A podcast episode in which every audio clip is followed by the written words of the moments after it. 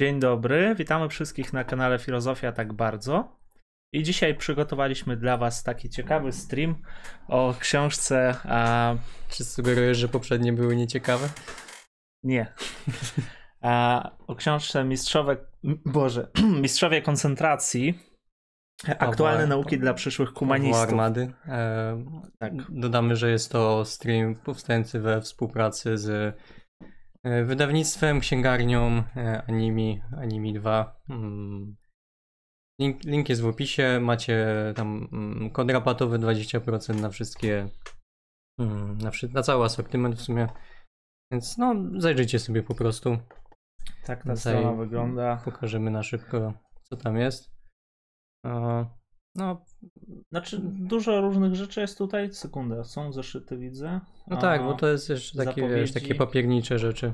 I to jest wydawnictwo, które powstało jakoś, nie wiem dokładnie, nie orientuję się, ale No jest w miarę, w miarę kilka, świeży. kilka lat temu. No i tutaj są tłumaczenia, są także prace polskich autorów. E, więc e, macie też, no tak jak Michał powiedział, kod robotowy, można sobie różne ciekawe rzeczy zamawiać. Dobra. E, No, I- będziemy, może nie będziemy stricte jakby tylko omawiać tej książki, mm, bo to by było za dużo po prostu. No, to jest jakiś taki powiedzmy bardziej przyczynek do tego, żeby sobie tam porozmawiać. Mhm. e, O ogólnie humanistyce. O, o, o, humu- o humanistach, o humanistyce, Humana. o nowoczesności. E, Będziemy oczywiście nawiązywać do tego, co, co się w tej książce znajduje, jakoś może tam próbować coś sobie dodać, jakieś pytania sensowne za, zadać.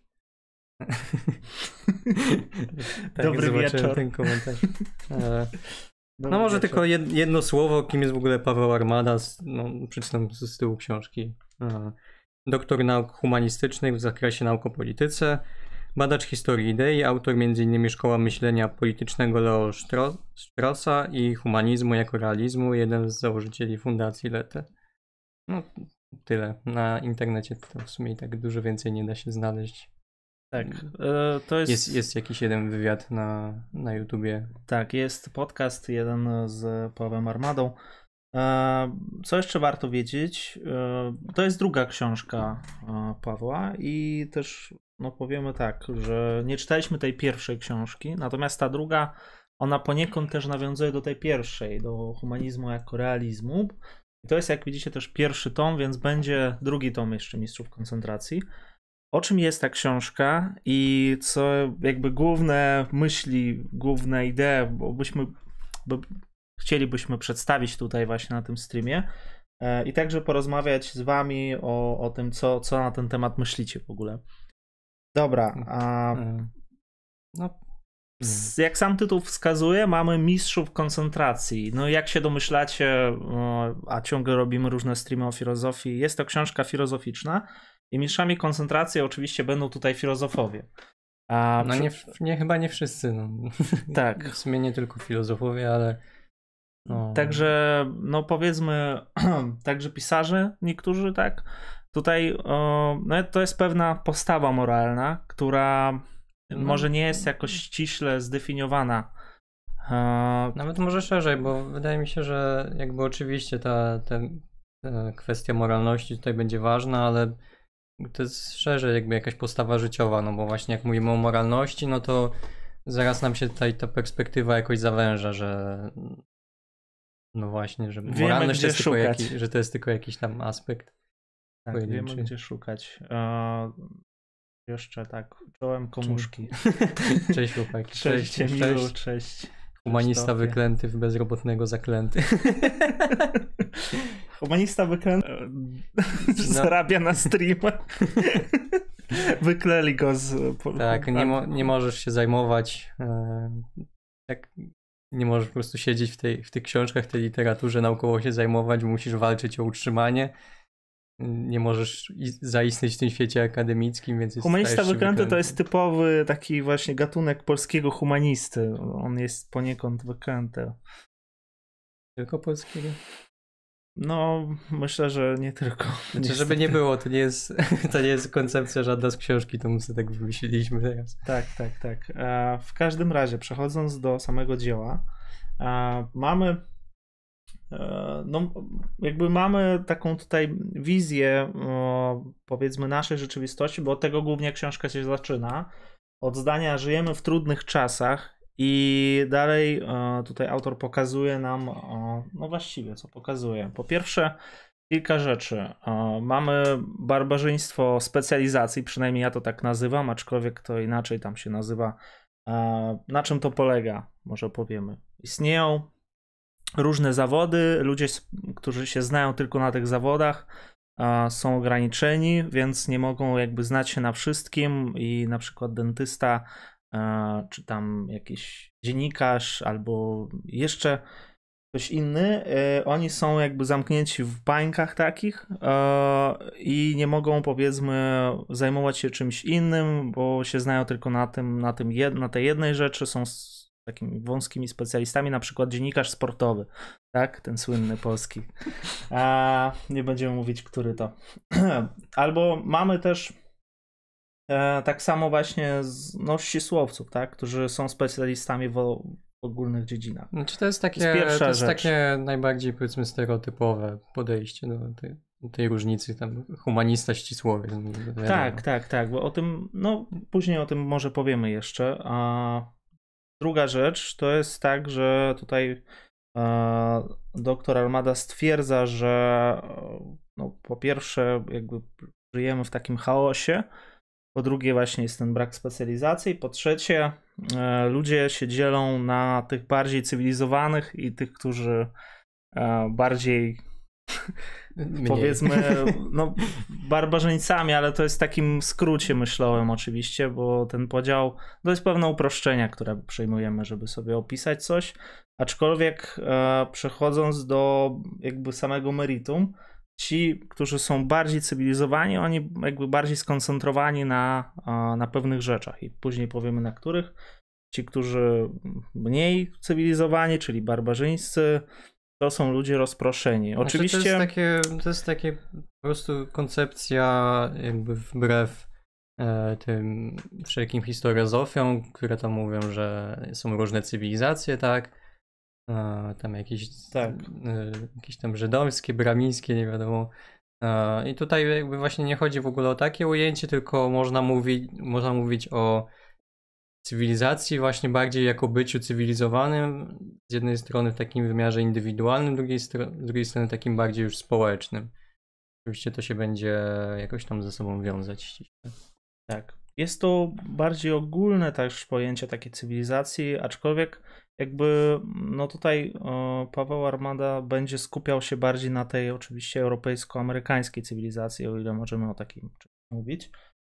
A będzie próbował pokazać to jako jedną wielką taką wioskę, mm, w której właśnie, tak jak już powiedziałem, te dwie rzeczy wymieniłem o barbarzyństwie specjalizacji i mm, powszechnym chaosie. No co to znaczy powszechny chaos? Jakby Tutaj zaliczamy do tego kilka rzeczy, no i Paweł tutaj zalicza na przykład e, opinię powszechną, która jest kreowana przez media, e, nastawienie na konsumpcjonizm, e, nastawienie ogólnie on to nazywa nastawieniem ekspansywnym, takim ekspandowaniem e, no. naszej rzeczywistości, jakby wykorzystywaniem wszystkiego, co się da e, do celów materialnych, do celów praktycznych przede wszystkim. Mhm. Natomiast przeciwieństwem tego nastawienia ekspansywnego będzie oczywiście nastawienie, które będzie się koncentrowało, powiedzmy koncentrujące, czy jakoś tak można powiedzieć. Widzimy tutaj komentarze. Będziemy teraz odpowiadać wam. Może, możemy teraz odpowiedzieć tak. zasadzie. Cześć panowie, nie przesadzajcie, przecież wymiatacie na polskiej scenie humanistyki. Dziękujemy. No, jeszcze trochę może brakuje do tego, a może Dzień dobry. zmierzamy. O... Stop, stop. Ma teraz milion rzeczy zaliczone. Okej. Okay. Emil Pietras. Najpilniejsze problemy świata to m.in. kryzysy dyplomatyczne. Musisz bardziej do mikrofonu mówić. Kwestia narracji o systemie ekonomicznym, który jest przyjmowany jako naturalny. Tutaj ścisłowcy dają narzędzia do pogarszania świata. A humaniści jako jedyni są w stanie stworzyć rozwiązania. Znaczy tak, to jest no taka może trochę dla niektórych oczywista kwestia, że. O, wow. Tak będzie chyba lepiej. Dobra. Przepraszamy taka, tutaj. To jest taka dość oczywista kwestia, że. Czy oczywista, nieoczywista. Dla niektórych oczywista. Że no te nauki ścisłe, powiedzmy, tak, czy jakieś tam przyrodnicze, no zwał jak zwał. Wiadomo, że nie chodzi, nie chodzi tutaj o humanistów. A, że one faktycznie tworzą, no, tworzą coś, nowe technologie, jakieś, jakieś nowe rozwiązania, tak? Ale no, człowiek jakby nie rozwija się tak szybko, nie, nie jest w stanie się dostosować dostatecznie do tego. Te narzędzia, wszystkie one są trochę bezmyślnie mm, traktowane. To znaczy, nie jesteśmy w stanie jakby tych konsekwencji też, też do końca przewidzieć i trochę na ślepo z tego korzystamy i później właśnie różne kryzysy się z tego powodu też e, pojawiają. Bo, no bo właśnie, bo tak jakby tworzymy sobie pewne rzeczy, które mm, no, mają, mają coraz większą moc oddziaływania, no ale coraz bardziej się to wymyka spod kontroli, no w takim najszerszym, najszerszym skrócie. Więc no, pod tym względem jak najbardziej tej mm, rolą humanisty byłby, byłby namysł nad tym wszystkim, co też często się, wydaje mi się, spotyka z krytyką jako takim próbą, nie wiem, hamowania postępu, mm. czy tam nie wiem, zarzuca się, że a, bo wy nic pożytecznego nie przynosicie, to się przyczepiacie jak takie pasożyty i próbujecie tutaj coś dorzucić od siebie. No, pojawiają się takie głosy. Czasami bardziej, czasami mniej słuszne, no ale nie, nie da się ukryć, że że humanistyka ma tutaj do odegrania swą rolę, ale problem jest taki, że no jak ona jest postrzegana, tak? Mhm. No, jak ona jest postrzegana przez ludzi. Przy czym no, od razu trzeba zaznaczyć, że humanistyka e, i humanista, przynajmniej e, w myśle książki, to będzie co innego, tak? Nauki humani że właśnie humanitarystyczne to... i humanistyczne. Nie, nauki, chodzi o to, że, e, że nauki, mm, nauki humanistyczne w sensie hum, bycie humanistą to jest pewne nastawienie takie indywidualne bardziej, tak?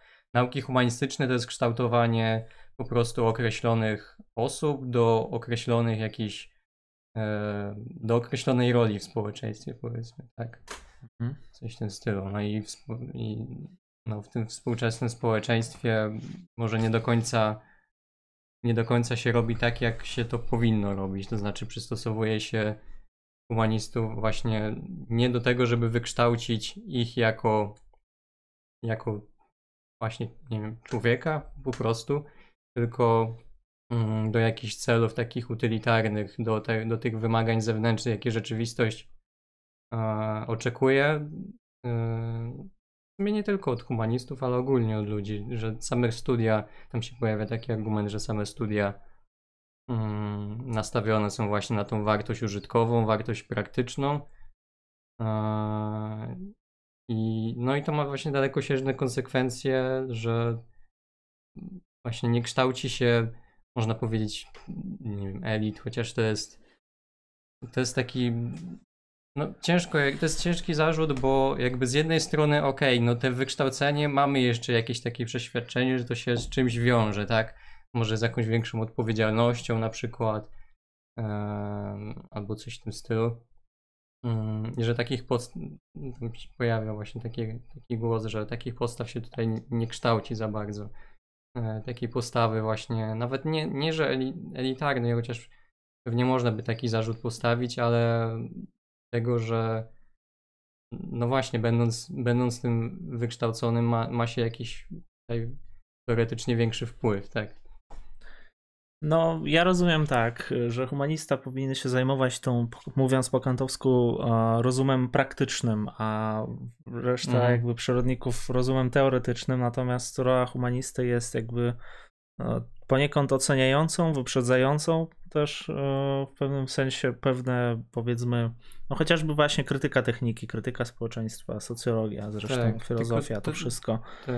Tylko tutaj się pojawia taka wizja humanisty jako takiego człowieka wewnętrznie rozwiniętego. Mm.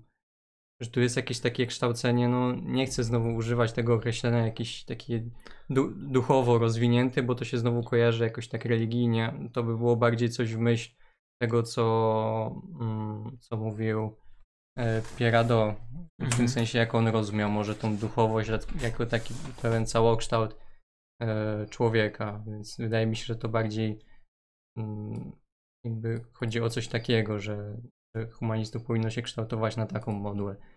Jako ludzi wykształconych, ale też no, takie, nie wiem, człowieczeństwo powinno się rozwijać, nie wiem, cokolwiek by to miało znaczyć. A, znaczy, problem. To, I to jest, to, jest- to jest tylko kwestia mm, jakby tej, tej szerszej perspektywy, tak? Na cele niepragmatyczne donatek Strzebieszy, dziękuję. Dzięki bardzo. A, to jest właśnie ta kwestia, że właśnie to, co powiedziałeś, że to barbarzyństwo specjalizacji, tak? A tutaj chodziłoby o to, no okej, jakby od tego już nie uciekniemy współcześnie, jak się chcemy czymkolwiek zajmować, musimy mieć jakieś, e, jakąś doż, dozę specjalizacji w tym, e, ale że wydaje mi się, że to powinno być w takim razie równoważone jakoś takim, o- Mm, takim rozwojem całokształtu osobowości. No, jakby teoretycznie Tak. taka rola jest szkół, że po to się uczy różnych rzeczy, żeby ona wykształciła w nas różne rzeczy, a nie, nie od razu właśnie tą specjalizację, ale mm, Tak. no, chyba, chyba to nie wychodzi za bardzo. Ta rola to, to, to jest oczywiście osobny temat, który tutaj nie jest jakoś bardzo poruszany, ale ta rola mm, rola szkoły w wychowaniu, kształtowaniu człowieka, no właśnie duży, duży osobny temat. Tak? Znaczy tutaj, jeżeli chodzi o tą książkę, to oczywiście jest poruszany ten temat szkoły, tylko tak, no No, nie, bardzo powiedziałbym, po, tak, dokładnie. Y, Kilka kapitłów jest to, że taka krytyka, która jest dość w sumie znana. y, Jakie jest teraz podejście w szkole? No maksymalnie takie, maksymalnie liberalne, tak, do tego, żeby żeby uczyć dzieci kreatywności, uczyć jakiegoś takiego No, samodzielnego przynajmniej- rozważania, przynajmniej- podejścia. Przynajmniej w Tak jakimś się wi- mówi. w ideale, w praktyce Tak. to tego w ogóle nie ma i to jest chyba największa tragedia, że nawet jeżeli mamy założenie jakichś ideałów, to niespecjalnie nawet do nich zmierzamy, tylko w kółko są powtarzane. Co jakiś czas po prostu widzę jakiś artykuł, a że tam szkoła zabija kreatywność, że poducza właśnie samodzielnego myślenia. Gdzieś te ideały gdzieś tam funkcjonują, ale one nie działają. No właśnie, to jest też problem, że z krytyki też się robią takie już znane, utarte szlaki, tak jak mamy krytyka, która staje się w pewnym momencie e, sama jakby przedmiotem konsumpcji. Taki- I to jest Takie przerażające. utarty frazes się z tego robi. Tak, więc Wszyscy, czasami... wszyscy przychodzą na porząd- do porządku dziennego z tym, że no powinno być tak, ale tak nie jest i nic się nie zmienia, no Tak. to zostawmy to, Ale bo już nic się nie zmieni. to jest paradoks. Na uniwersytecie się mówi o tym, że uniwersytety stały się korporacjami. Że uniwersytety po prostu teraz są skupione na punktach, e, że uniwersytety starają się właśnie tutaj wszystkich wciągnąć w te granty, w pisanie, ale dalej to się robi. I to jest bardzo dziwne, jakby o tym mówimy, ale w zasadzie No tak, nic no nie robimy i sami tego chcemy, żeby to dalej tak Odpowiedzialność się przerzuca wyżej, tak, że Tak. no tutaj, tutaj nie wiem, dyrekcja ode mnie wymaga, no bo tutaj tak minister zarządził, no i Mhm. wiesz, tak można się przerzucać. Oskar Telech, ale niekoniecznie można traktować nowe narzędzie technologiczne jako same w sobie służące pogarszaniu świata, a, zależ- a uzależniać to, jak, e, jakie konkretne rzeczy się za tym kryją. No oczywiście, to jest taka sama dyskusja jak e, w Ameryce często się pojawia broni palnej, tak, że z jednej Mhm. strony, no to jest, to jest tylko przedmiot, to człowiek strzela, to nie broń zabija, tylko człowiek. Tak samo można powiedzieć z, ogólnie z jakąś te, techniką czy technologią, że to jest narzędzie, jak to wykorzystamy, to, to już inna kwestia. No ale to, no ja bym tutaj był sceptyczny, czy to wszystko jest takie neutralne. Oczywiście ostateczna decyzja gdzieś tam należy do nas, no ale Znaczy ta technika, Boże, krytyka techniki, ona jest oczywiście szersza, zaczynając od na pewno czytaliście jakieś prace z tego zakresu, gdzie pierwszego jako właśnie filozofa, który zauważył niebezpieczeństwa właśnie techniki. Wymienia się Platona, który mówił o wynalazku pisma, pismo, które stało się o, takim wynalazkiem upraszczającym nam, upraszczającym, za, za, zastępującym nam poniekąd pamięć, i przez to jakby wpadliśmy w zapomnienie i, i tak dalej. I jakby im więcej takich jest wynalazków, tym bardziej popadamy w to zapomnienie i kiedyś nadejdzie chwila, gdzie już przestaniemy cokolwiek pamiętać. No I... tak, no teraz, co, teraz jest inaczej, no, że, no bo tam, nie wiem, bo się odchodzi od, na przykład od pisma ręcznego, które też tam wykształcało jakieś tam właśnie większe skupienie, że Mm, łatwiej się zapamiętuje z takich notatek, że się od tego odchodzi. Mm. Tak samo, jakby te argumenty, one się cały czas pojawiają. Zawsze jak się pojawia jakieś, jakaś, jakaś nowa, nie wiem, tendencja, czy, czy to zawsze się pojawiają głosy, że to, to nas zepsuje. No i poniekąd jest tym trochę racji, ale ale nie możemy właśnie, być technofobami. No to jest tak, też... to, jest, to jest druga sprawa. No ale właśnie, no, nie da się nie da się przyjąć, że ta technologia, jak ona się pojawia, ona jest neutralna i cała wina leży w ludziach, no bo o, patrzeć, patrząc z takiego bardziej socjologicznego punktu widzenia, no to musielibyśmy, nie wiem, jakoś odgórnie narzucać, w czym można stosować technikę, a w czym daną technikę czy technologię, a w czym nie żeby móc zapobiec tym mm, jakimś neutralnym tendencjom, które poniekąd są wpisane w tą, w tą naszą relację z konkretnym, e, z konkretną rzeczą. No ale tak się nie da. No. Pewne rzeczy się pojawiają samorzutnie na samym fakcie tego, że zaczynamy więcej osób zaczyna wchodzić w interakcję z tym. No tak, znaczy taki konsekwentny obrońca właśnie techniki powie ci teraz, y, nawet wiele nie musi mówić, powie, że no ale zobacz, siedzimy teraz, mamy tutaj po prostu wszystko usiane techniką, e, komunikujemy się tutaj z ludźmi przez streama, już nie mówiąc o tym, że zacznie ci wymieniać e, te wszystkie skutki, tak, pozytywne rzeczywiście, które mamy, że tam szybciej da się uleczyć ludzi, pomagać tam i tak dalej mhm. i tym podobne.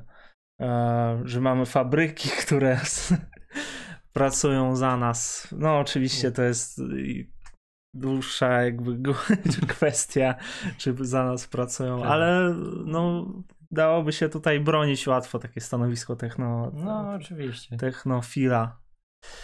Ja bym to jeszcze może trochę powiązał z, e, wracając trochę do, do tej książki, e, mhm. bo tam się też pojawia to, to zagadnienie e, przy takim potocznym rozumieniu koncentracji, kiedy zestawiamy to z jakimś rozproszeniem, tak? tak? I właśnie z jednej strony ta technika się oczywiście pojawia, czy technologia, no to tutaj no mamy doskonały przykład, jesteśmy tym zabudowani, po prostu ciężko się skupić czasami, bo tu wszędzie się coś dzieje sam, sam internet po prostu zachęca, żeby od razu wejść do niego, się, się rozproszyć. Tak, tak, tak. E, no, można całą przywołać jakby całą kwestię rewolucji informacyjnej, gdzie no, te, jesteśmy zalewani oczywiście przez te informacje, to jak są później wykorzystywane przez media masowe, tak polityka działa też w coraz większym stopniu nastawiana jest na emocje, zarządzanie tymi emocjami, czyli właśnie mm, poniekąd właśnie takim stanem rozproszenia. No i tyle, z tym się to, z tym się to wiąże. Znaczy, tak, rozproszenie, no ale głównie jakby, wydaje mi się, że głównie tutaj technologia będzie wiązała się z ekspandowaniem, jak mówi Paweł. Bardziej jakby bardziej to ekspandowanie tutaj jest przeciwieństwem właśnie koncentracji, kontemplacji, tej, w tym sensie greckim teoria. A, a samo ekspandowanie, no czym jest to samo ekspandowanie? No to jest oczywiście, mamy świetne przykłady, gdzie wykorzystujemy jakieś surowce, lasy i tak dalej, do rzeczy, które nie są koniecznie nam potrzebne. A, tak, ekspansja... człowiek jest właśnie mm, nawet nie, nie jest już tym mistrzem koncentracji, tylko jest mistrzem ekspansji. Może człowiek jako taki ludzie w ogóle, no, mhm. jakby biorąc pod uwagę fakt, że cały czas nas tutaj przybywa, e, tej, e, tych rzeczy, które tam za sobą zostawiamy, e, budowlę, całe, całe te góry, góry jakichś rzeczy wytworzonych przez, Mhm. mas, przez nas. Nie da się już prawie nie wiem, prze, przy, pójść gdziekolwiek, gdzie nie byłoby właśnie tego śladu człowieka. I to jest ten ślad tego, że na polu ekspansji no, jesteśmy tutaj dominujący. Mm, I tutaj można by się zastanawiać, czy to jest, czy to jest jakieś tutaj prawo takie naturalne, że okej, że w przyrodzie jest wpisane to, że jest ten wzrost, tak, Mhm. rozmnażanie się i czy to jest jakoś to, że my tak postępujemy, czy to jest jakoś z tym powiązane. Mo- można znaleźć argumenty za tym, że jest, można za tym, że nie jest. Nie będę się tu jakoś opowiadał może za konkretnym tym, no bo to dla wielu to jest jakiś logiczny wniosek, że okej, em, w przyrodzie wszystko, wszystko wyrasta, wszystko, wszystko się rozrasta, mnoży. My wyszliśmy z tej przyrody, pochodzimy od niej, jesteśmy z nią związani, więc nas też to dotyczy i ta sfera jakaś kulturowa, czy, czy, czy techniczna, czy technologiczna jest, jest jakimś odbiciem tego. No, Mhm. Być może, ale nie byłbym taki do przodu. Tak, tak.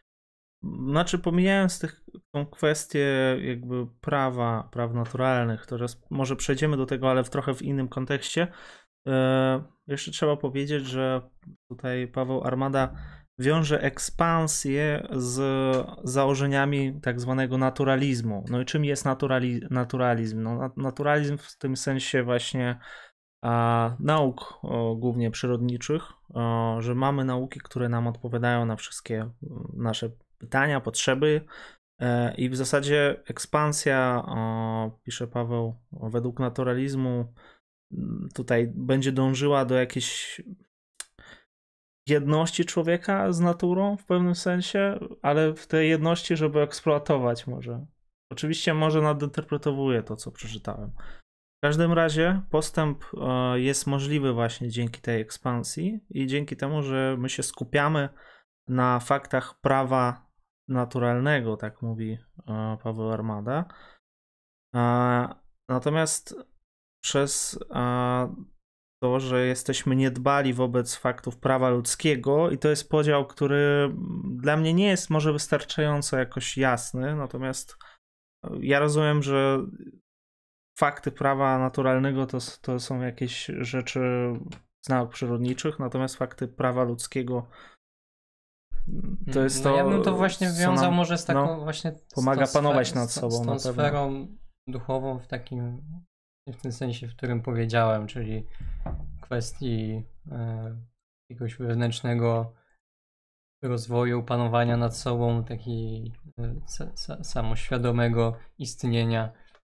Mhm. Coś w tym stylu, że, jakby, że to, to przestało być dla nas istotne w jakikolwiek No sposób, może nie jako, nie jako jednostki, czy jako jakieś pomniejsze grupy społeczne, no bo będąc, obracając się w takim środowisku powiedzmy filozoficznym, szeroko rozumianym, no to taki argument byłby, on się, on się staje trochę niezrozumiały, tu trzeba wyjść poza tą, poza tą filozoficzną czy humanistyczną mm, bańkę, spojrzeć tak jakbyśmy się mieli przejść po prostu po ulicy i zapytać losowego człowieka, co jest dla niego ważne, czy to, że nie wiem, mm, że powstają jak na przykład jakieś nie wiem, nowe telefony, czy jakieś w ogóle nowe, nowe technologie, które e, dostarczają, no nie wiem, jakichś nowych rozwiązań, czy jakieś nowe przyjemności, czy cokolwiek, czy ważne jest dla niego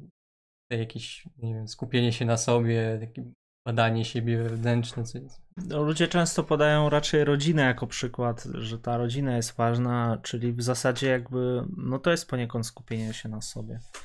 Mm, Jakby nie wiem, czy ta technika rzeczywiście tak często jest ważna. Może dla tych, którzy już powiedzmy znajdują. No, to jest też kwestia wieku poniekąd, tak? Że ludzie bardziej jakby przywiązani do rodziny, mniej przywiązani i do tego jeszcze się nakłada na to, ile w ogóle, czy, czy nam zależy tak naprawdę, bo, bo tak na, no, chodzi o taką refleksję nad tą techniką. Nie każdy jej się podejmuje, bo w zasadzie się przejmuje po prostu naturalnie, że to technika jest. Jaka, Chyba ja nie zrozumiałem o, co chodzi z tą rodziną, czemu ją przywołałeś. A, dlatego, że powiedziałeś, że jakbyśmy kogoś zapytali na, na ulicy, to i podałeś jakby dwie opcje. Z jednej strony właśnie by powiedział e, No bo ja do tego albo nawiązuję... technika, albo jakieś indywidualne wartości. No, Znaczy chodzi po prostu o to, że rozwi- osiągnięcia techniki, one są widoczne gołym okiem, osiągnięcia Mhm. takie na, na polu inżynierii. No takie właśnie czysto materialne, to widać od razu, widać jaki to ma wpływ, widać, że świat, świat się zmienia. E, A takie jakieś, y, takie jakieś mgliste myślenie o panowaniu nad sobą, o kształtowaniu siebie, o byciu prawdziwym humanistą, nie, nie brzmi pociągająco. po Nie, brzmi, prostu. nie brzmi przekonująco też, powiem ci. W każdym razie, a jeszcze patrzymy, czytamy wasze komentarze oczywiście, także Mhm. możecie pisać, wysyłać donaty, karmić nas tutaj, jesteśmy wyklętymi humanistami dzisiaj. Oskar Telech z technofilą też w sumie to zależy od konkretnej techniki. Jedno ok, inne szkodliwe faktycznie i bezsensowne. Mm, No tak. Free Dasiak. Dobra robota, przyjemniaczki. Tradycyjne pytanie, o której się dzisiaj wstało inteligen... Inteligenciaki? 50, a później znowu spałem. A, no to 4 godziny później. dobrze, dziesiąta, chyba dziesiąta, wow. Tak. Aż się zdziwiłem, że tak wcześnie. E, Dobra, ja mam tutaj wypisane takie główne pojęcia, które się pojawiają w tej książce. Może one nie będą jeszcze do końca jasne, ale gdzieś dadzą jakiś taki ogólny obraz. Jest tak, koncentracja, cywilizacja, ekspansja, nowoczesność, dualizm, monizm, tradycja grecka, humanitaryzm, humanizm. Opinia. Opinia jeszcze, tak. Tak. A, No i właśnie. A, to, to co, czego mi zabrakło w tej książce, dlatego ja może tutaj dorzucę trochę od siebie, to jest to, że no, autor tutaj powołuje się w dużej mierze na, na dwóch filozofów mm, dwudziestowiecznych e, z Ameryki. To jest Irving Babbitt i, i, i, i Moore. Teraz zapomniałem, jak on miał na imię. Paul Elmer Moore. Tak, właśnie, Paul To nie Elmer jest ten. Moore oczywiście, Tak, który od, od udowodnienia świata za pomocą rąk. Tak, tych Morów też jest trochę, chyba dość popularne nazwisko. Tak, Paul Elmer Moore. E, Oni się tam przewijają cały czas, ale nie Tak. do końca wiadomo kto to jest, jakie oni mają poglądy, jak, jaki to ma związek. Wydaje mi się, że mm, nie wiem, no właśnie to jest ta kwestia, że Paweł Armada napisał książkę Wcześniej wcześniej, Seje o, eseje o nich i być może jakby trze- trzeba by tak naprawdę najpierw tamto przeczytać, żeby móc to przeczytać. Teoretycznie on tutaj mówi, że to jest powiązane, ale nie trzeba czytać Mhm. poprzedniej książki, ale moim zdaniem tego brakuje, tego, tego podłoża właśnie te, teoretycznego. Tutaj przyjmuję, e, że, że to nie jest jakoś konieczne do zrozumienia książki. Moim zdaniem jest, bo to odsłania No dużo odsłania po prostu, jak, jak się trochę przyjrzymy poglądom, mm, poglądom tych myślicieli, to ta książka staje się, dla mnie stała się dużo jaśniejsza. Może ja zapoznałem się z nimi po Tak, tak, przeczytaniu tak. książki. E, To właśnie du, du, dużo zrozumiałem, że to jest, to jest też kwestia bierze? tego właśnie odróżnienia, co, co jest jego przemyśleniem, co jest przemyśleniem ich. Oczywiście tam przywołuje konkretne cytaty i tak dalej, ale mm, Znaczy, to jest e, studium historyczne, e, które w zasadzie jest książką tak naprawdę etyczną, bo głównie tego dotyczy. Książką, która, którą się czyta jak takie, ru- powiedzmy, trochę oddzielone od siebie eseje, e, bo z jednej strony mamy jakąś taką wizję, która ma przedstawiać konkretne jakby konkretną koncepcję powiedzmy tej koncentracji, natomiast e, ona jest ta koncepcja uwikłana jakby w rozważania tak o, o samej idei, jakby o tym, co mówił Moore, a co mówił właśnie Babbitt. I zestawienie tych dwóch myślicieli, którzy nie są znani w ogóle w Polsce. I tutaj Paweł Armada jest chyba jako pierwszym. Ja nie wiem, czy coś, coś jeszcze jest na Wiesz ten temat. Ile ja wyszukiwałem w internecie, yy, znalazłem. mm, no, właściwie on jest jednym z, jednym z pierwszych, ale jednym z jedynych, Mhm. którzy w ogóle nawiązują do nich w Polsce. Taki, taki właśnie zaczątek w ogóle istnienia tych, tych dwóch myślicieli. Oni zresztą też e, w Ameryce zostali zapomniani, zapomniani w dużej mierze, szczególnie e, Moore, bo działał trochę na obrzeżu, na obrzeżu tej nauki mm, w Ameryce w XX wieku. E, tak, no, co, no trzeba, trzeba tutaj pewne rzeczy powiedzieć, mm, które nie są wyrażone wprost w książce, ale jak się tylko właśnie wyszuka, wyszuka jednego i drugiego autora, no to się okazuje, że to są, e, to są dwudziestowieczni amerykańscy konserwatyści po Mhm. prostu. Oni są takimi, w swoim czasie oni byli dość, dość wpływowymi figurami. No ale później właśnie zostali jakoś tam zapomniani, chociaż podobno czasami tam różne, różne konserwatywne ugrupowania czy, czy think tanki jakoś tam sobie o nich czasami przypomną trochę. Z tego co się zorientowałem, ale są to w dużej mierze właśnie tacy filozofowie skrzeszeni tutaj. Tak. Znaczy, czym jest może ten konserwatyzm? Bo to nie jest takie typowe konserwatywne myślenie, że wracamy do, jakiegoś, do jakiejś formy liberalizmu, czy postulowaniem tam wolnego rynku. To jest. Mm, chociaż to jest coś co innego. Dobra, e, stop. Za daleko idę. E, tutaj konserwatyzm jest rozumiany jako powrót do tradycji greckiej. Przy czym tradycja grecka też jest swoiście rozumiana, że tak powiem. E, Jest ona poniekąd zawężona od Platona do Chryzostoma.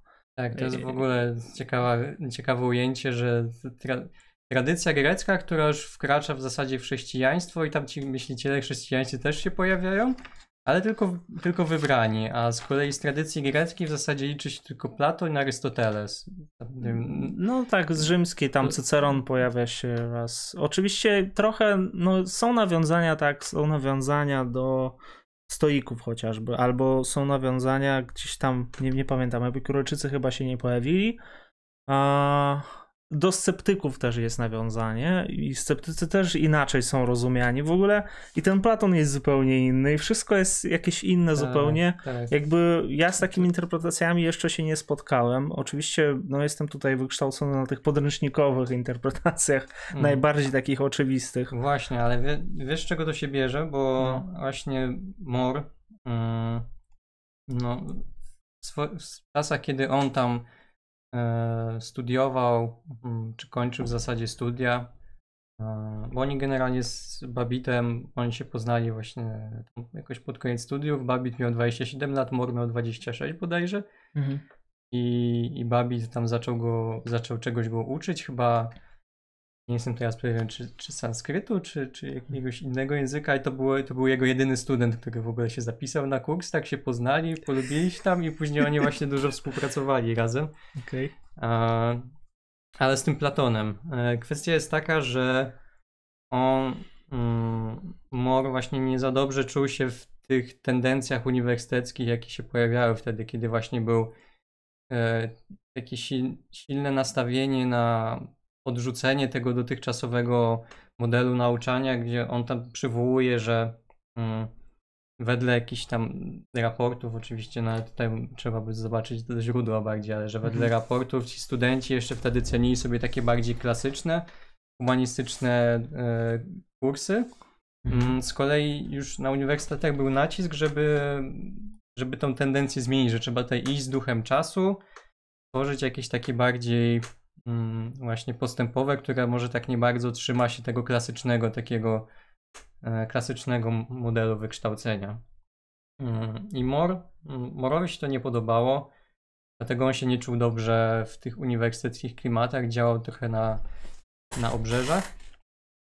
Mm, I w pewnym momencie w ogóle on stwierdził, że, e, że on ten na wzór, na wzór Toro, on po prostu w pewnym momencie rzucił wszystko, wyjechał gdzieś do lasu, do jakiejś głuszy na dwa lata i tam czytał właśnie tego Platona i innych klasyków tak w samotności. Przez, przez dwa lata ich tam sobie studiował. Dlatego ta, Skoncentrował się. tak, dlatego ta interpretacja jego też jest taka specyficzna, taka mm, no właśnie nie, wydawało mi się niezwiązana z takimi bardziej dla nas oczywistymi, takimi bardziej klasycznymi interpretacjami Platona, którą wyznacza. Inna sprawa, że to jest całe jego, mm, cała jego filozofia, czy, czy myśl, bo on był też krytykiem literackim, mm, pisał tam mm, do różnych e, do różnych tam czasopism i tak dalej.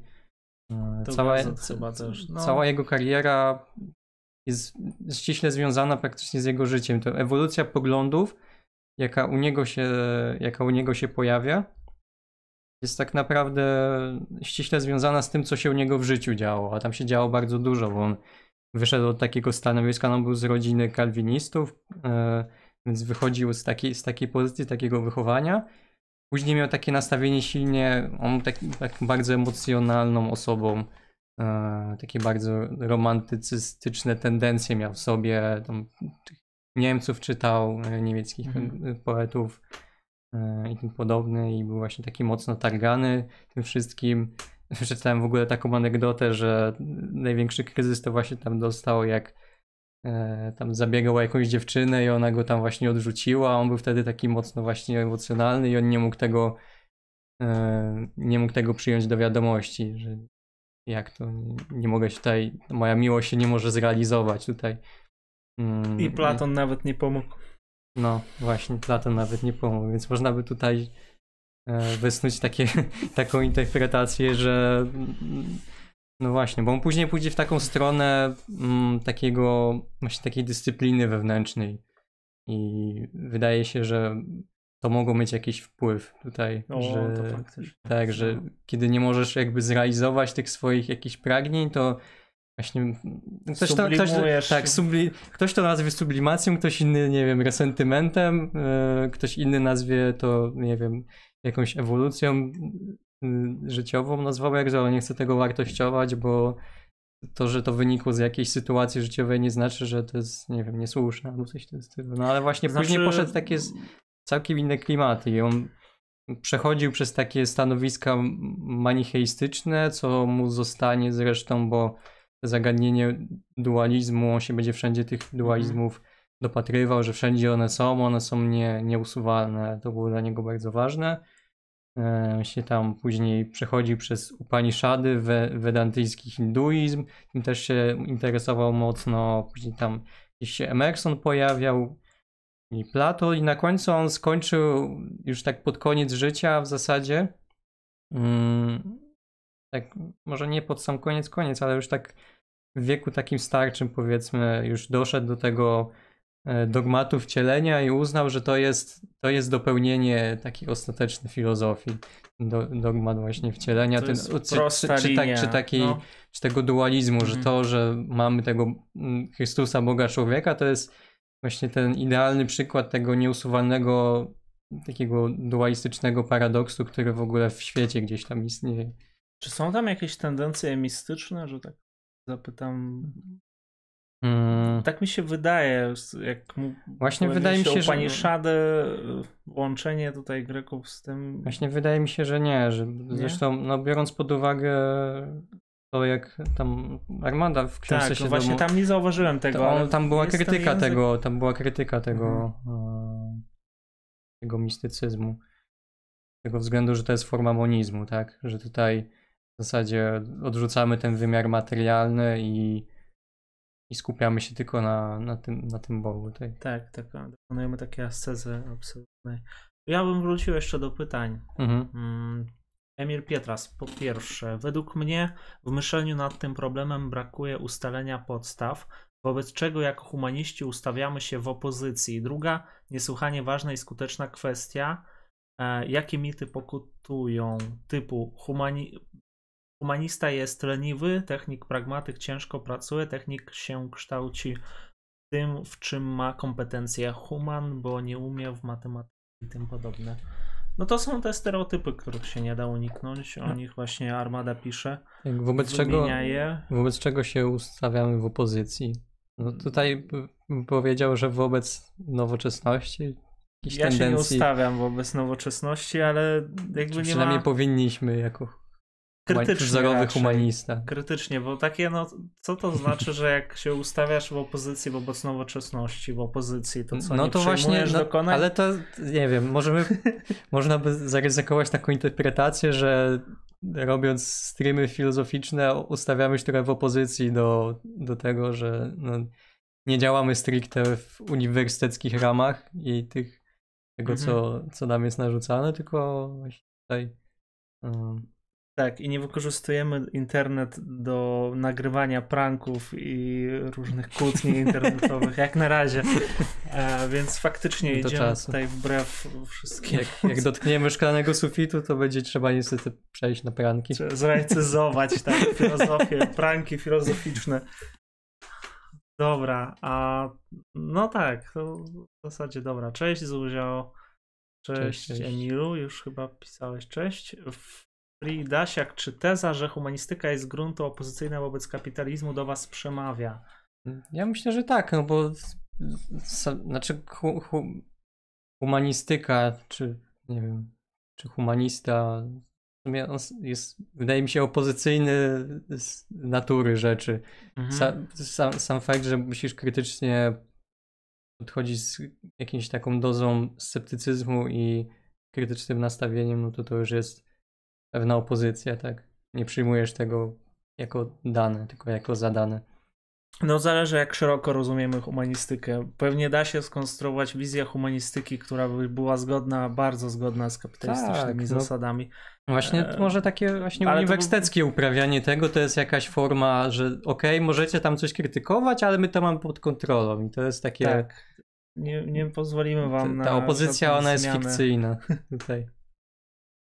Więc no tak. Ale w sumie to w takim razie nie tylko wobec kapitalizmu.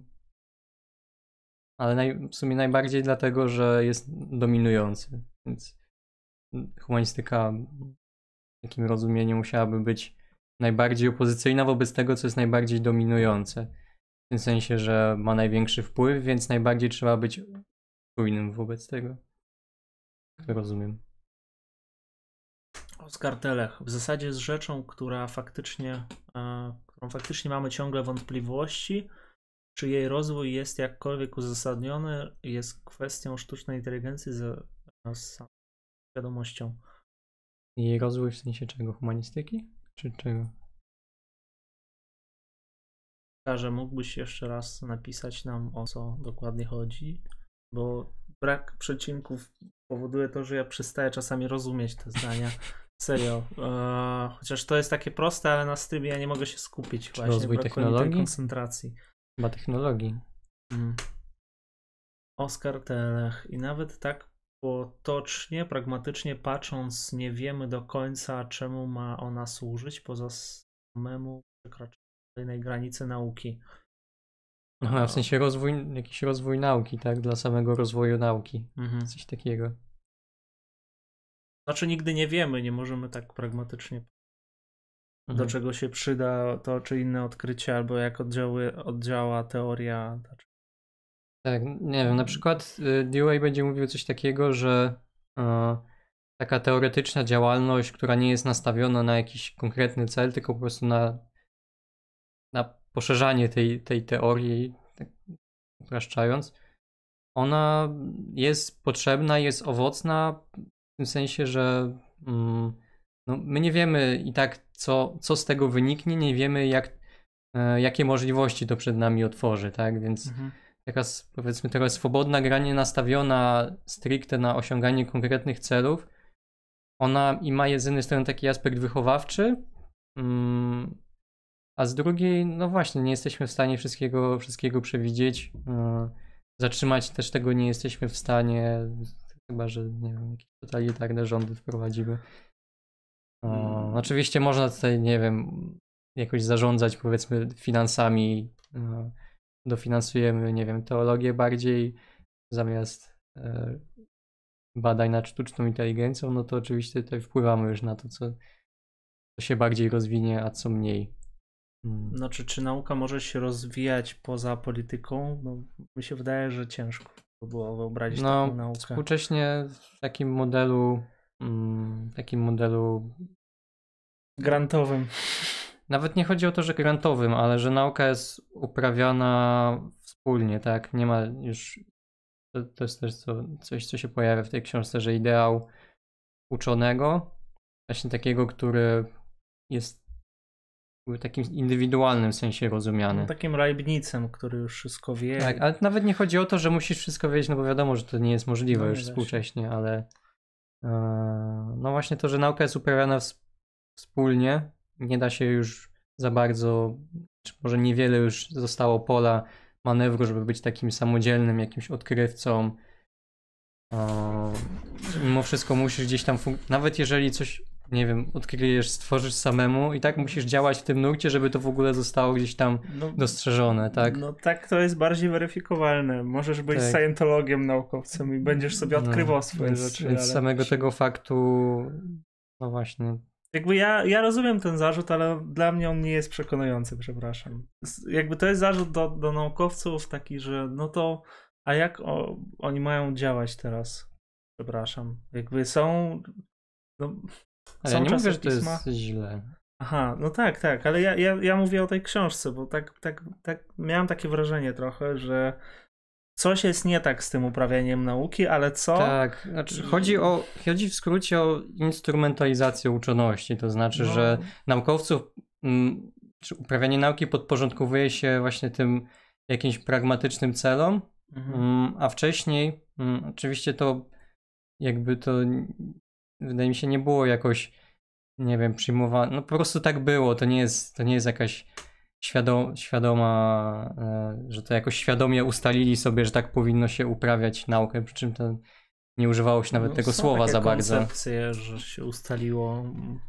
No, no ale po prostu chodzi o to, że kiedyś uczoność była związana z jakąś indywidualną doskonałością, tak? Z rozwojem Mhm. siebie jako uczonego, a nie, nau- nie nauki przede tak, wszystkim. Tak.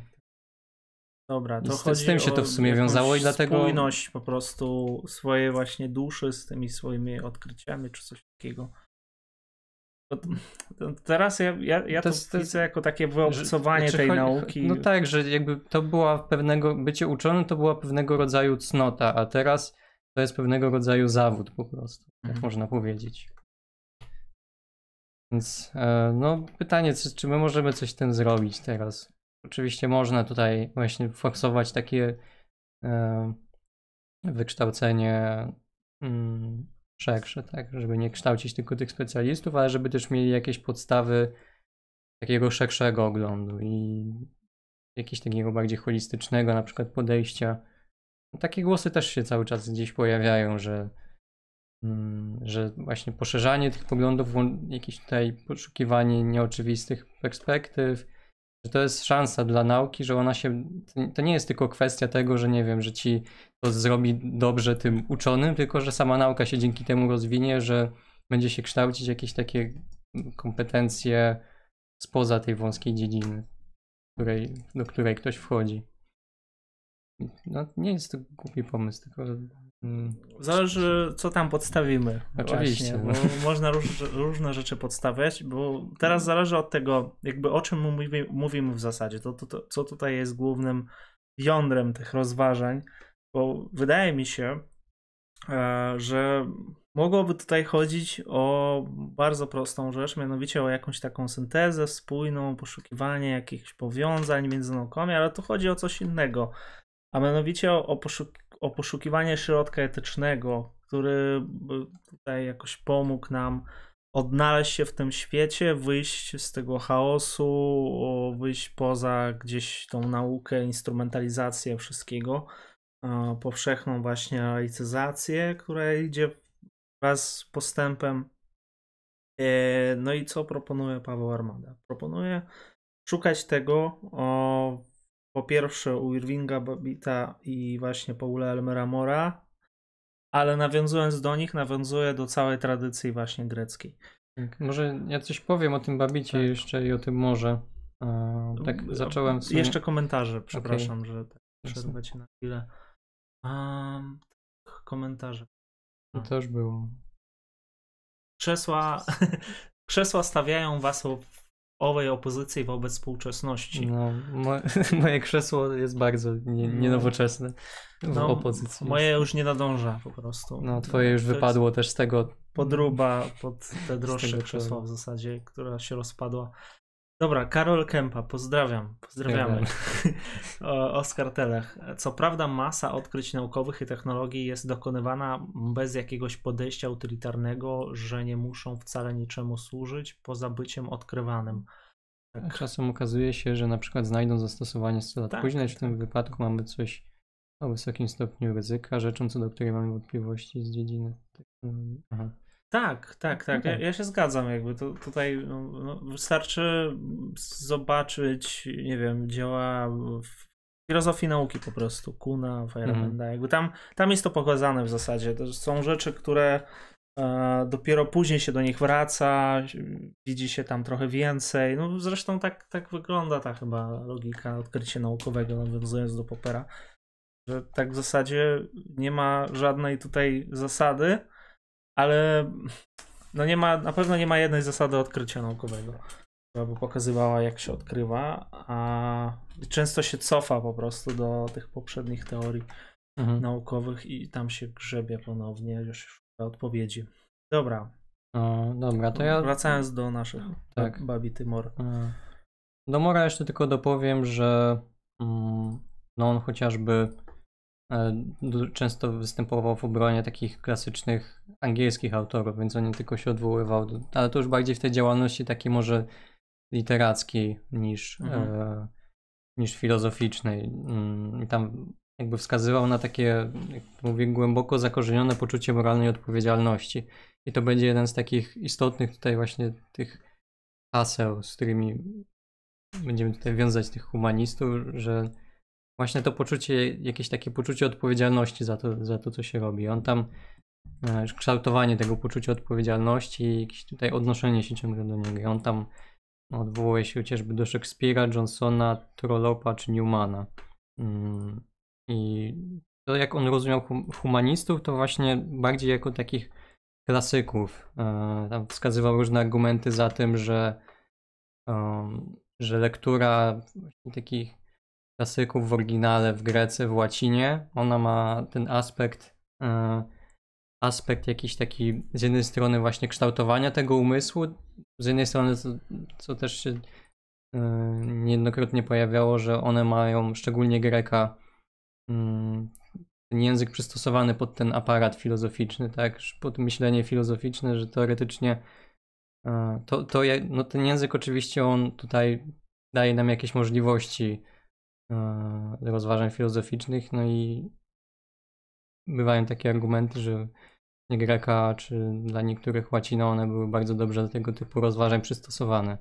Oczywiście z No łaciną... jak się to pisało w Grece i w łacinie, to na No pewno. tak, oczywiście. Oczywiście z łaciną później się pojawia ten problem przekładu, tak, że te pojęcia się zaczynają już rozmywać, tam zmieniają znaczenie, Tak. tracą, więc to już jest mm, inna kwestia, ale właśnie z jednej strony to, że one mają jakiś taki pozytywny wpływ na kształtowanie tego umysłu, nauka tego języka, posługiwanie się nim, czytanie, myślenie w nim, e, Mm, A z drugiej, mm, z drugiej, że one nas jakby wyciągają z tego, właśnie z tej nowoczesności, z tego otoczenia naszego aktualnego. No, Ciężko jest myśleć, nie wiem, o, o, o współczesności, rozważając to jakby w tym, w tym języku greckim. Tak, on nas automatycznie przenosi w trochę W inne. współczesnym da się, ale te, w tym staro, Tak. starożytnym to nie. nie Tak, za że czytając to my automatycznie jakby przenosimy się w trochę, no można powiedzieć, w trochę inny świat, tak? I to też ma taką funkcję dystansującą nas od tego, od tego, powiedzmy, tego zalewu. Znaczy, to jest pierwsza rzecz. Druga istotna rzecz, tutaj Paweł Armada pisze wprost, że w tych greckich właśnie, y, no powiedzmy dialogach, tak, platońskich na przykład, czy w tych wykładach Arystotelesa, nie ma pustosłowia, nie ma tej próżności, nie ma tego zamętu, chaosu, że one są takie bezinteresowne w pewnym sensie e, i mogą nas czemuś nauczyć, dlatego że mm, nie są zależne od tych tendencji współczesnych jakby. On, no, to jest rzecz, która mi się nie podoba do końca, bo w zasadzie próbuję ich jakby pokazać poprzez Mora Babita jako właśnie takich myślicieli ahistorycznych, że ta tradycja ona jest taka wszechpotężna i wszechobowiązująca, z tego powodu, że właśnie jest oderwana od wszystkiego, że tam można nauczyć się tego bycia spójnym takim człowiekiem, podporządkować swoją egzystencję, swoje dusze, jak on mówi. No to, to jest też powiązane z tym właśnie sokratejskim stwierdzeniem, które się różnie zresztą interpretuje i ja go mam cały czas z nim problem, troska o duszę. Co to mhm. jest w zasadzie troska o duszę? I jakby brak tutaj tego fundamentu, no i Armada, o, znów jakby cytując Babita i Mora, będzie doszukiwał się tej e, troski właśnie o duszę w, też w objawieniu poniekąd i w zasadach właśnie tutaj e, postępowania chrześcijańskiego, czy moralności chrześcijańskiej, prościej mówiąc. Mhm. Dobrze, to, yy, to teraz może mhm. powiem coś o tym Babicie. To, to jest to, że oni są dość mocno jakby dochodzą, czy mają podobne jakieś takie podłoże intelektualne, tam czasami nawet ciężko odróżnić, co powiedział jeden, co powiedział drugi, e, ale trochę, nawet może bardzo rozmijają się w tych wnioskach. E, no tutaj też mamy właśnie to, co jest najistotniejsze i co też oni założyli w właśnie tym XX wieku, taki mm, ruch, można to chyba nazwać ruchem nowego humanizmu.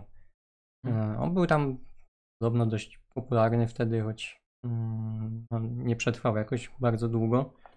E, I tam właśnie takie najważniejsze kwestie to jest nacisk na samodyscyplinę, potrzebę kontrolowania impulsów, która ma być jakimś takim wyzwoleniem od tych pragnień. Mamy tutaj właśnie, o ile Omora, Mora to będzie zrozumiałe, jaką pójdzie tym tropem takim e, takim bardziej chrześcijańskim.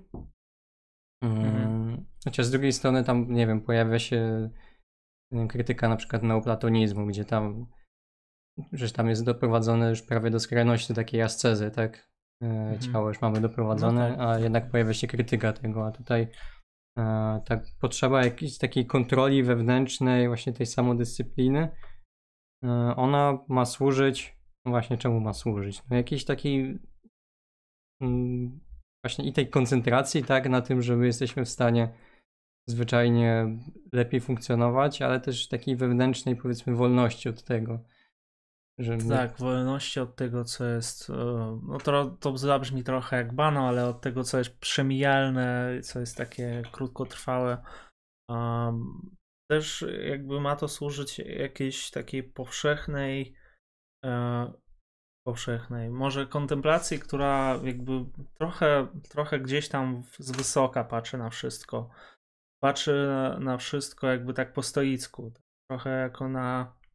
No tutaj nie chcę mówić o pojęciu konieczności, ale pewnie gdzieś tam jest coś takiego wyczuwalne, że patrzymy na, na świat. Yy, uczymy się go przejąć z takim dystansem. Nie gonimy się za tym, co jest popularne, za tym tak zwanym postępem, nowoczesnością, nad tym właśnie zaklęciem takim, zaklęcie nowoczesności, że coś jest nowoczesne, równa się Dobre. dobro. Tak.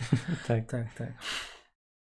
No i dalej, no mamy oczywiście ten sprzeciw wobec naturalizmu, mm, bo taka tendencja, ona podkreśla jakby tą dominację sił zewnętrznych, tych sił, sił natury, mhm. a umniejsza roli mm, właśnie takiego jakiegoś kształtowania tego charakteru, siły charakteru, mm, jakiegoś własnego sumienia.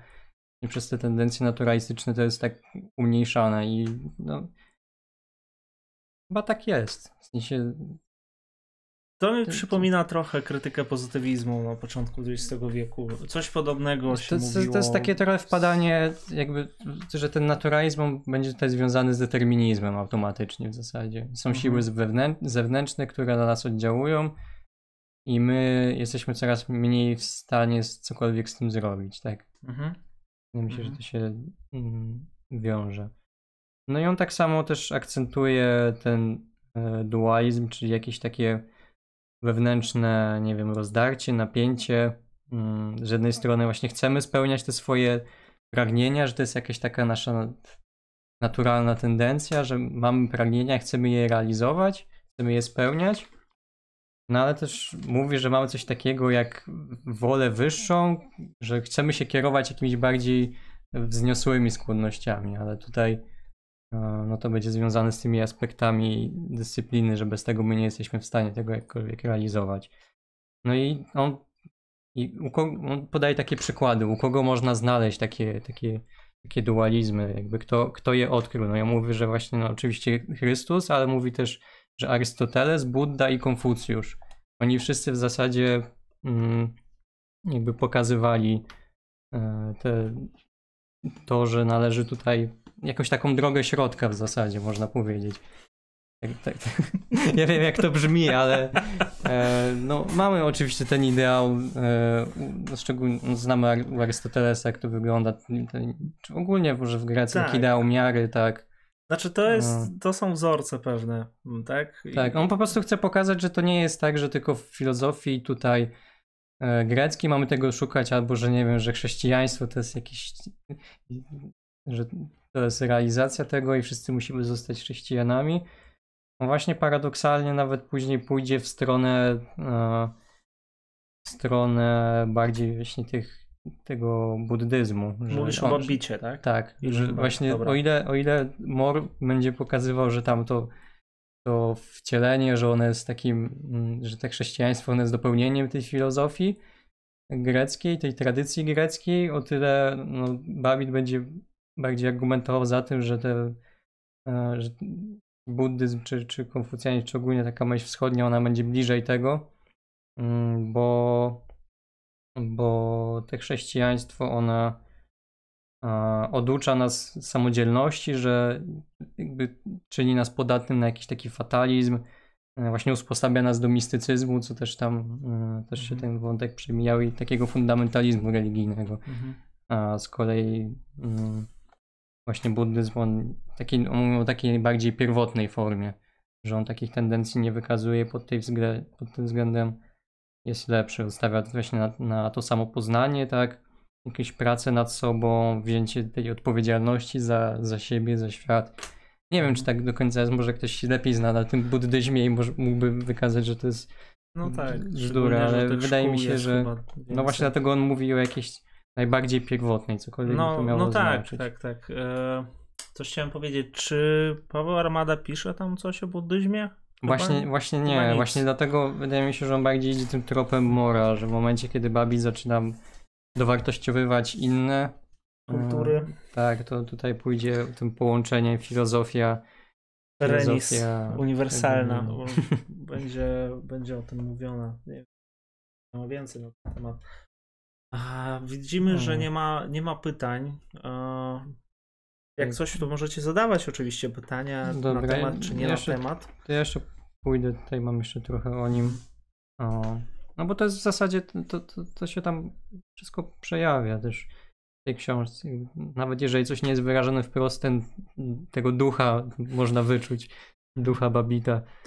A, na przykład wskazuje coś takiego, co, co mi się wydało na pierwszy rzut oka zaskakujące, że nowożytność nie okazała się dla niego wystarczająco eksperymentalna. To by oznaczało coś takiego, że nowożytność za szybko odrzuciła właśnie tą tradycję w takich euforii mm, tego, tego jakiegoś nowego, nowego wszystkiego.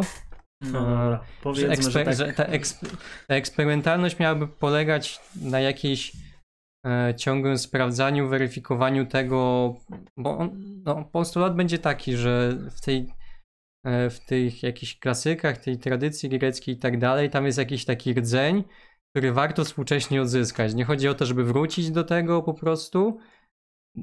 Nie chodzi o to, że wtedy było dobrze, nie wiem, nie chodzi o to, żeby wrócić do religii, nie wiem, żeby wszyscy byli religijni. No Babit powie, że to już jest niemożliwe praktycznie współcześnie nie ma sensu do tego dążyć, ale że tam są pewne rzeczy, które coś o człowieku mówią i że trzeba to po prostu wydobyć, tak? I pod tym względem nie była wystarczająco eksperymentalna, że yy, no, wylała dziecko z kąpielą, jak to się mówi.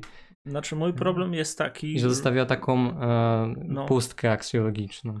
Ja nie wiem, co Babit pisał, jak on to interpretował, natomiast no, znamy etyki Platona, Arystotelesa, Szczególnie ta Arystotelesa jest chyba aktualna i tutaj no, McIntyre ją ożywił, że tak powiem. Mhm. Natomiast jeżeli chodzi o etykę Platona, to no nie wiem, czy no ona wydaje się być taka bardzo prosta No w właśnie, pewnym w sensie. ja nie wiem, czy to jest tylko, czy to tylko dotyczy kwestii etycznych. No bo głównie chyba o to chodzi tutaj. W zasadzie oczywiście ta koncentracja jest pojęciem uniwersalnym tutaj i znów ona jakby ma nas gdzieś tak trochę cofnąć, yy, ale w takim sensie pozytywnym, żebyśmy spojrzeli na e, na jakieś takie ahistoryczne wartości, aczkolwiek znów jakby ja nie rozpoznaję może tak jasno i wyraźnie tych wartości, które są tutaj przedstawiane. Wydaje mi się, że mm, w książce też się pojawia jakby ta perspektywa wertykalna, horyzontalna, No tak? tak, właśnie to jest chyba A. jedyne wyjaśnienie z tych rzeczy. Tak. On, mm, tutaj on podaje też taki przykład, że e, jakby porzuciliśmy jakąś taką kwestię, tą potrzebę właśnie jakiejś taki, takiego hamowania siebie, czy no, mówi o, o poszukiwaniu jakiejś takiej woli etycznej. I on podaje no, przykład starożytnego Rzymu, tak, że Mhm. tam właśnie poprzez to, że tam dążyło się do tej ekspansji takiej horyzontalnej, a zaczynało się porzucać jakiś taki, taki nie wiem, mm, wewnętrzny jakiś ideał samo, samodoskonalenia, Mhm. to to czy może stał się mniej ważny po prostu, może nie został porzucony, ale stał się dużo mniej ważny, że to też wiąże, związało się z rozpadem jakichś wspólnot i społeczeństw i dlatego to, dlatego to tutaj też próbuje być używane jako klucz do, do współczesności, że też możemy, cały czas się każdy gdzieś doszukuje rozpadu tych społeczeństw, że jest coraz gorzej i tutaj to, to miałoby być jakaś jedna z interpretacji, dlaczego. Znaczy nie powiedzieliśmy nic o tym myśleniu horyzontalne versus wertykalne, bo czym jest horyzontalne myślenie? Myślenie horyzontalne to jest myślenie znów po raz kolejny pojawi się ten termin ekspansywne, myślenie trochę opiniami, to jest takie umasowione myślenie, myślenie, które jest podatne na ideologie różnego rodzaju, skrajne, natomiast myślenie wertykalne jest myśleniem, które, no tak jak mamy wertykalne coś, no to spina się jakby do góry i oczywiście do tej jakiejś istoty najwyższej tutaj. E, myślenie zgodne z łańcuchem bytu, to jest termin z Roweloya. Łańcuch bytu, no to najprościej mówiąc, mamy ten podział hierarchiczny, po prostu, jak u Tomasza z Akwinu na przykład. Mamy Boga, Mhm. aniołów, tam człowieka, minerały i tak dalej. I to wszystko jest powiązane ze sobą i jakby tracąc ten łańcuch bytu, jak już zerwaliśmy z nim, no to tracimy w pewnym sensie jakąś cząstkę moralności. Poza tym jesteśmy bardziej właśnie, tak jak powiedziałem, podatni na te opinie. A, jakby tracimy kontakt z tą prawdą, przestajemy w nią wierzyć, natomiast bierzemy wszystko, bierzemy opinię za tą prawdę. No, tak, tak, tak tutaj to widzę. Oczywiście dla mnie mówienie jakiejś prawdy z, prawdzie z dużej P jest trochę archaiczne. Aczkolwiek, no, dajmy szansę tutaj. No, Szczególnie e, jak się nie wskazuje konkretnie o co chodzi.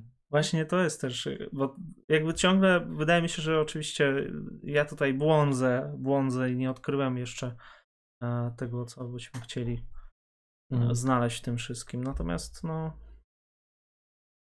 taka interpretacja się nasuwa.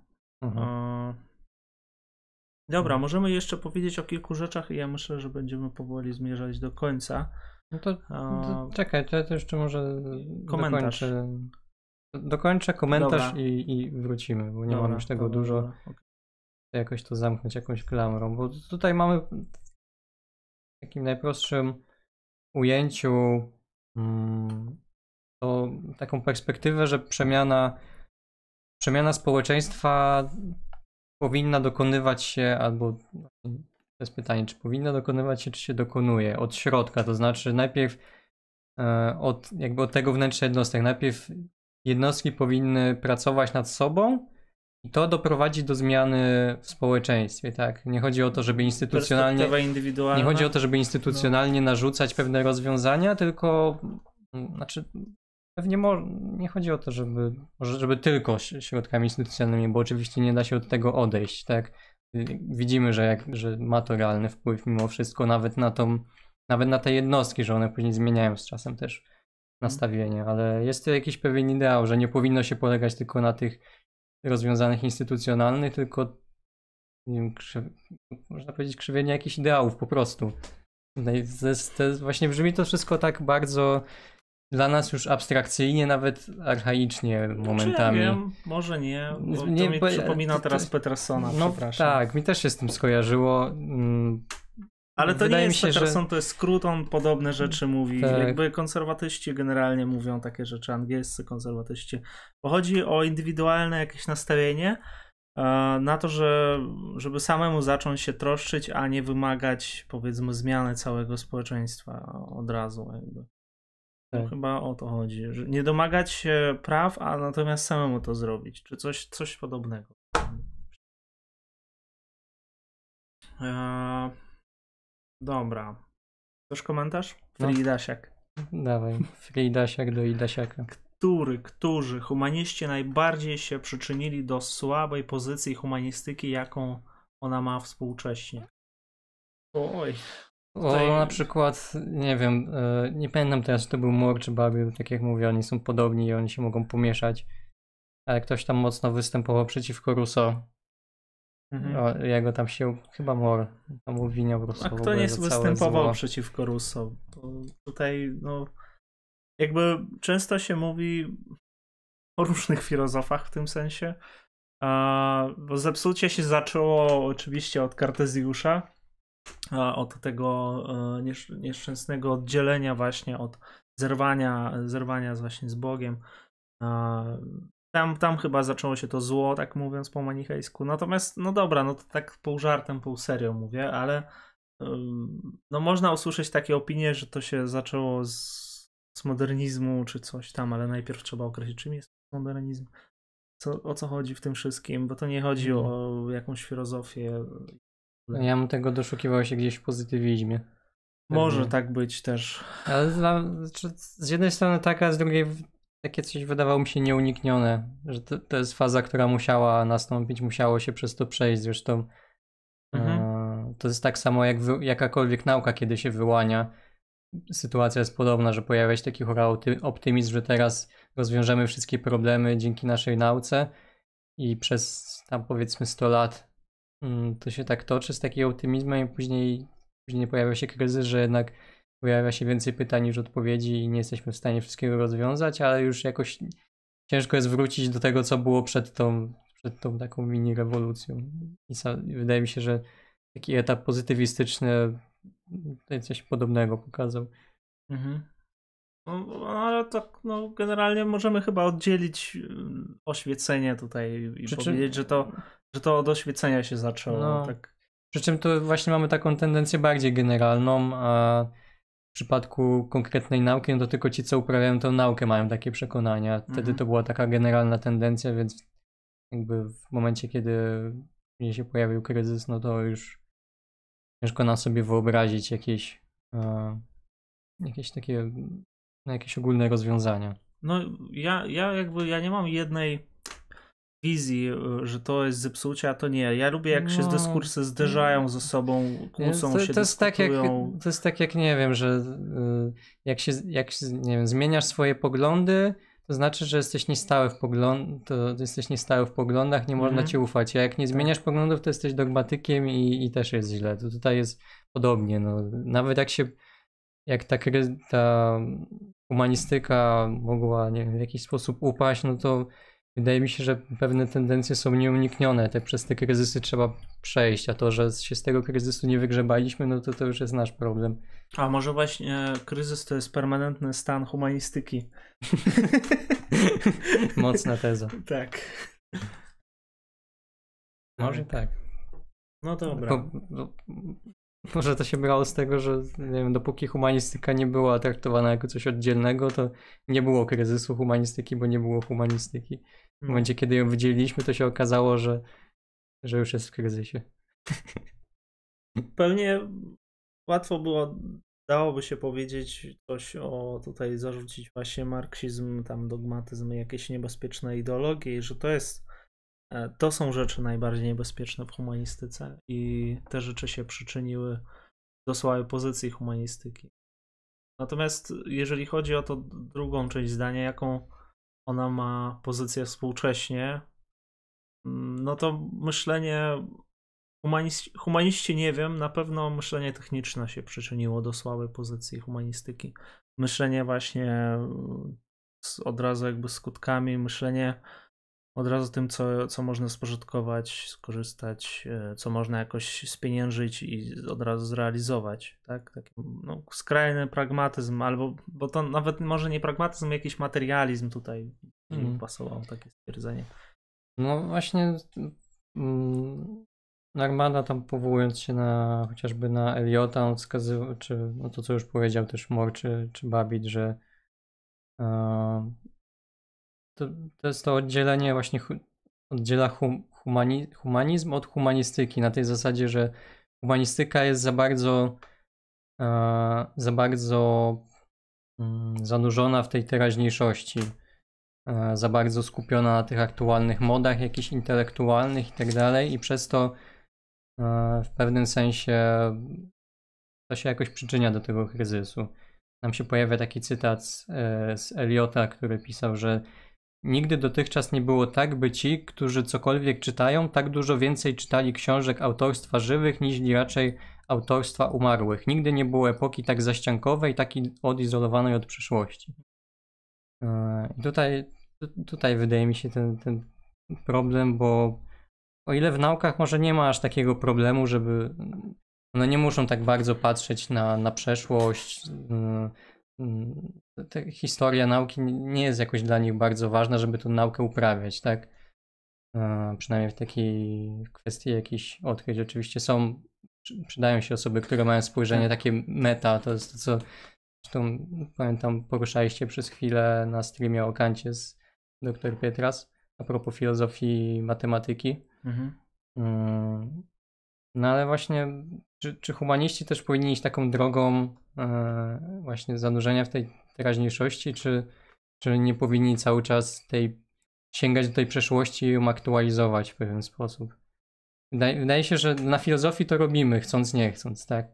Mhm. Tylko pytanie, jaki to. Jaki, no, to, Paweł Armada mówi, że właśnie tym się zajmuje humanistyka, że ciągle re reinterpretu reinterpretuje jakby tą przeszłość, natomiast chodzi o to, żeby znaleźć jakby to, to, ten, ten głębszy sens właśnie tej tradycji greckiej, odczytać ją tak, żeby żeby ona się przyczyniła do tej koncentracji w końcu. No. No ale to wtedy jest taki, to jest właśnie ten ideał, to jest taki ideał wychowawczy, że my nie ma, mamy sięgać do klasyków nie po to, żeby spróbować ich zreinterpretować, napisać artykuł, tylko po to, żeby oni nas jakoś w pewnym sensie ukształtowali, tak, żebyśmy my pozwolili się kształtować przez tych klasyków, przez tak. zapoznawanie znaczy, się z nimi. W ogóle ja bym jakieś. może to nie chcę tego zamykać, ale dla mnie każde odtworzenie klasyków, odgrzewanie na nowo, to jest za każdym razem mm. kolejna interpretacja. Więc Oczywiście, że tak. Zarzut, czy nawet nie zarzut, a takie myślenie, że teraz wrócimy do tego prawdziwego sensu, odczytamy ich na nowo, no chyba się nie da. Zatraciliśmy to wszystko. Więc. tak, tak, taki pesymistyczny jesteś. No, a co się co, nie, nie czytać Platona? Można spróbować. Dlaczego nie? A czytać Platona w, e, w szkole, czy nie czytać? No czytają przecież. W programie Platon jest. E, jaskini, tak? No. Jakieś parę rzeczy z etyki. I w zasadzie, no i tam dwa słowa o teorii państwa. W zasadzie tak ten Platon wygląda podręcznikowo. No i to jest to, chyba Paweł Armada by się nie zgodził. On by chciał, żeby. Znaczy, nie wiem, jakby on chciał, ale tak, tak to wyczytuję, że tendencja ma być do tego, żeby pokazać praktyczny sens tych myślicieli, żeby, żeby o, o, oni coś nam poka- żeby oni czegoś nas nauczyli, tak?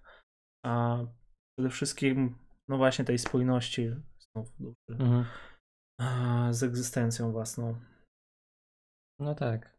To, to jest no, nie ma co ukrywać tutaj.